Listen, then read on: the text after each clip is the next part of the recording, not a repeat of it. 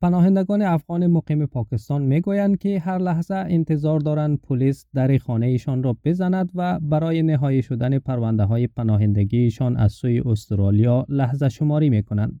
یکی از این پناهندگان که ما در این گزارش از او به اسم مستعار جهان یاد می کنیم می‌گوید که در افغانستان فعال حقوق بشر بوده و بعد از زخمی شدن توسط یک جنگجوی طالب در جریان یک تظاهرات حمایت از حقوق زنان مجبور شده از کشور فرار کند. جهان می‌گوید که ویزه پاکستانیش در اواخر ماه جاری منقضی می شود و دولت پاکستان بارها درخواست تمدید اقامتش را رد کرده است. او می‌گوید که آنچه در آن سوی مرز در افغانستان انتظار او و امثال او را می‌کشد مرگ و شکنجه به دست طالبان است. واضح است که در افغانستان اصلا فعلا آزادی بیان زیر سوال است. فعالیت حقوق بشری نمی‌تونی. دخترانی که از سن شش به بالا تحصیل کرده نمی‌تونند.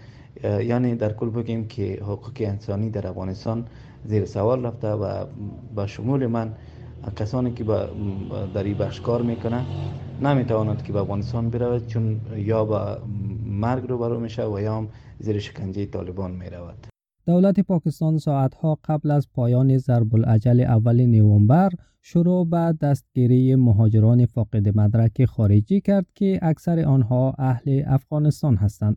ده ها هزار پناهنده افغان قبل از پایان مهلت پاکستان داوطلبانه آن کشور را ترک کردند.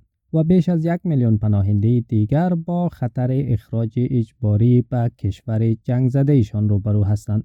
جهان می‌گوید که او در اوایل سال 2022 از استرالیا درخواست پناهندگی کرده بود و تا کنون جز یک نامه حاوی شماره پرونده خبر دیگری از رسیدگی به درخواستش دریافت نکرده است.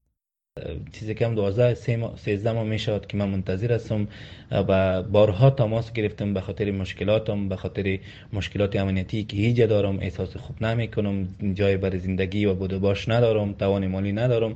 بارها ما ایمیل کردیم اما هیچ نتیجه نداشته و این بسیار دردآور است برای ما. جهان در جمع پناهندگان است که در یک نامه سرگشاده به استرالیا و سازمان ملل در مورد زندگی در سایه ترس از دستگیری و اخراج عمیقا اظهار نگرانی کردند. آنها در این نامه عاجزانه از دولت استرالیا و همچنین سازمان ملل خواهش کردند که با تسریع روند رسیدگی به پرونده هایشان آنها را از زندگی در بلا تکلیفی نجات دهند. جهان نیز می‌گوید که زندگی در سایه ترس از بازداشت و بازگردانده شدن به افغانستان برای آنها تبدیل به یک کابوس وحشتناک شده است. در یک وضعیت بسیار سختی قرار داریم. هر, هر دقیقه که ما در خانه هستیم ترس از این داریم که این حال پلیس میه فردا پلیس میه و از حتی تک تک دروازه ترس می‌خوریم. و این وضعیت بالای همه ما بسیار تاثیر خطرناک داشته. آبدین احمدی پناهنده دیگر است که اخیرا از افغانستان به پاکستان آمده و از طریق برنامه اسپانسری حمایت اجتماعی برای ویزه بشردوستانه استرالیا درخواست داده است. او می‌گوید که پناهندگان افغان در پاکستان هر لحظه را با ترس بازداشت شدن سپری می کنند و تلاش می کنند که بدون ضرورت از خانه بیرون نروند اما در خانه نیز در امان نیستند. هر چیزی ممکن است ما در این روزا کوشش داریم زیادتر بیرون از خانه نریم و خود را در خانه قید گرفتیم به نحوی تا که با این مشکلات روبرو نشیم.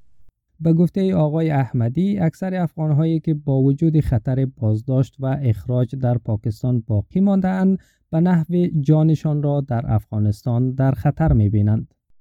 اکثر افغانهایی که در معرض خطر اخراج اینا هستند به نحوی جانشان را در افغانستان در خطر می‌بینند و به همین علت افغانستان را ترک کردن. در میان اینا مثل خبرنگاران و فعالین حقوق زن و حقوق بشر و دیگر اشخاصی هستند که از یک آینده نامعلوم در افغانستان هراس دارند و ممکن آسیب هایی را برای اینا وارد کنه که جبران ناپذیر باشند. وزارت امور داخلی استرالیا حاضر نشد به سوالهای اس‌بی‌اس دری در این باره پاسخ دهد. اما اس‌بی‌اس دری دریافته است که دولت استرالیا مشخصات افغانهایی را که به تازگی ویزه استرالیا را دریافت کرده با دولت پاکستان شریک کرده تا موقتا از اخراج شدن آنها جلوگیری کرده باشد. همچنین گزارش ها می رسانند که آن عده از افغان های فاقد مدرک در پاکستان که در کشورهای دیگر پذیرفته شده اند در قسمت اخذ مجوز خروج از دولت پاکستان با دشواری روبرو هستند.